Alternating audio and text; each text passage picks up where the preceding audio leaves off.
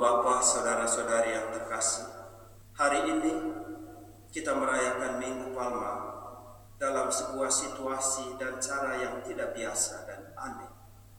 Kita merayakannya hanya dari rumah saja, sambil duduk menghadap laptop atau handy. Ada yang duduk seorang diri, ada yang bersama keluarga atau sahabat yang tinggal serumah. Tidak ada kumpulan manusia dalam jumlah besar seperti yang dahulu terjadi di kota Yerusalem ketika Yesus dieluk-elukan sebagai raja. Tidak ada yang melambai-lambaikan ranting-ranting palma sambil bernyanyi, Hosana putra Daud, terpujilah dia yang datang dalam nama Tuhan. Tahun lalu, hal seperti itu masih sangat terasa. Kita berkumpul bersama di gereja-gereja dengan ranting-ranting palma di tangan. Kita memberkati daun-daun palma berdoa, bernyanyi dan merayakan iman kita secara bersama-sama. Hari ini semuanya hilang.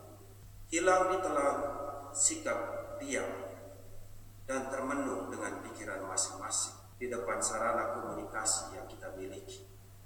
Kita merayakan Minggu Palma di tengah ancaman wabah virus corona yang memaksa kita untuk mengurangi dan meniadakan kegiatan-kegiatan bersama yang menuntut kehadiran fisik.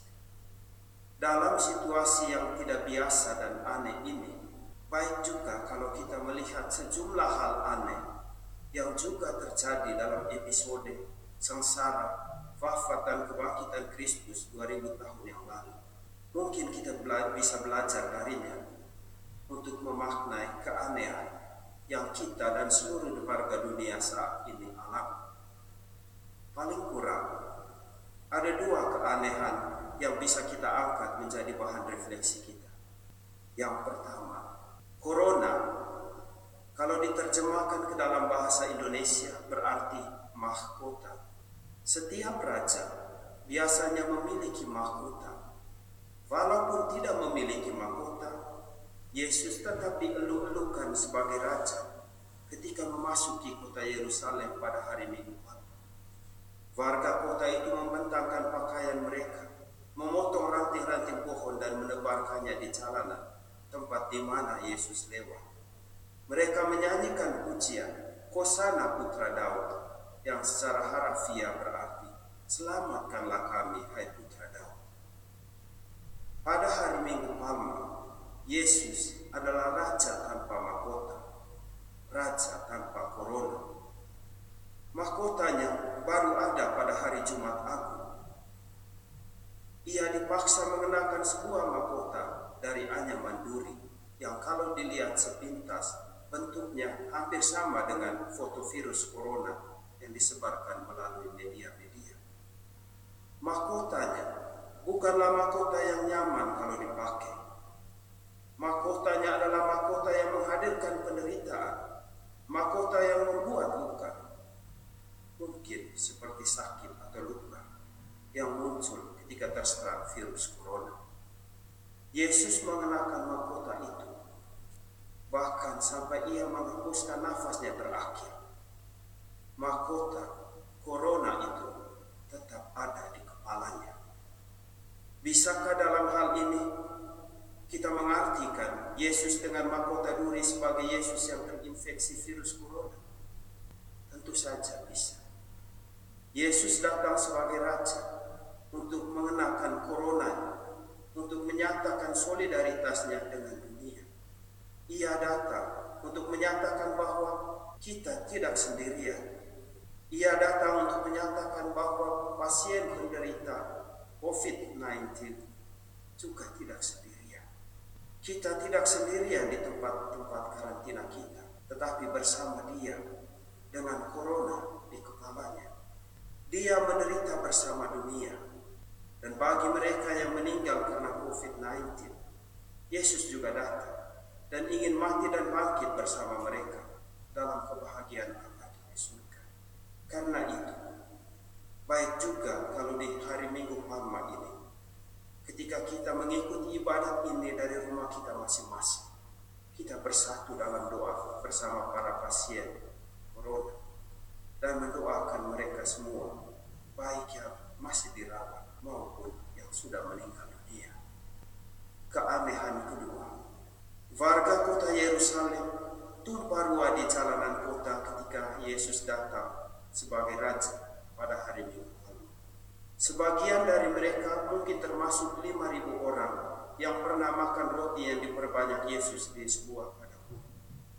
Sebagian juga mungkin orang sakit atau anggota keluarga dari orang sakit yang pernah disembuhkan Yesus. Sebagian juga mungkin mereka yang tersentuh dengan khotbah dan ajaran Yesus. Ya, mereka adalah orang-orang yang pernah merasakan kebaikan dan menyaksikan mujizat yang dibuat Yesus.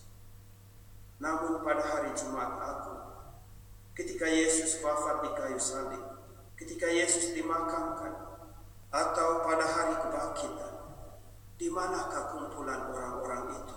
Di manakah orang banyak itu? Tidak ada lagi kumpulan massa dalam jumlah yang banyak. Hanya ada satu dua orang, paling banyak mungkin lima sampai enam orang.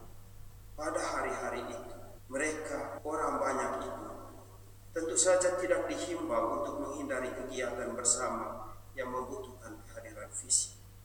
Mereka juga tidak terancam bahwa virus corona tetapi mereka dipaksa situasi untuk menyendiri dan tinggal di rumah masing-masing. Mereka ketakutan, takut ketahuan dianggap sebagai pengikut Yesus, dan karenanya akan disiksa dan didengar.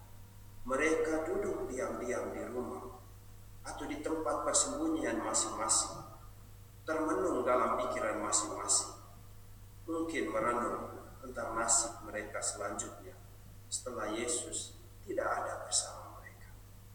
Bukankah situasi mereka punya kemiripan dengan situasi kita hari ini? Kalau ya, maka kita harusnya bersyukur bahwa kita boleh mengalami secara langsung ancaman dan akibat dari wabah virus corona. Akibat wabah ini, kita dibawa untuk kembali berada dalam situasi kesendirian pada hari Jumat Agung dan Minggu Paskah kita dibawa untuk diam di rumah kita masing-masing, duduk termenung dengan pikiran masing-masing tentang masa depan kita dan masa depan dunia. Minggu Palma hari ini adalah minggu Palma paling aneh dan mungkin paling keren dalam hidup kita.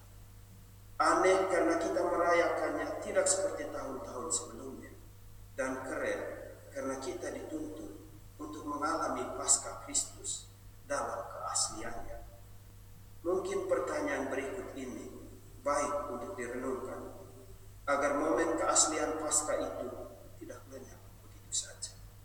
Pertanyaannya, apa yang sungguh-sungguh hilang dari diri saya saat ini tidak ke gereja, posting kudus, kebersamaan dalam doa dan iman, atau ada hal-hal lainnya Jangan-jangan sebenarnya kita tidak kehilangan apa-apa dalam situasi ini.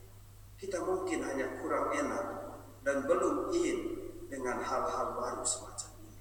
Kalau itu yang terjadi, kita ada dalam suasana pasca yang asli, pasca pertama. Selamat memasuki pekan suci. Tuhan menyertai kita dalam permenungan kita di hari-hari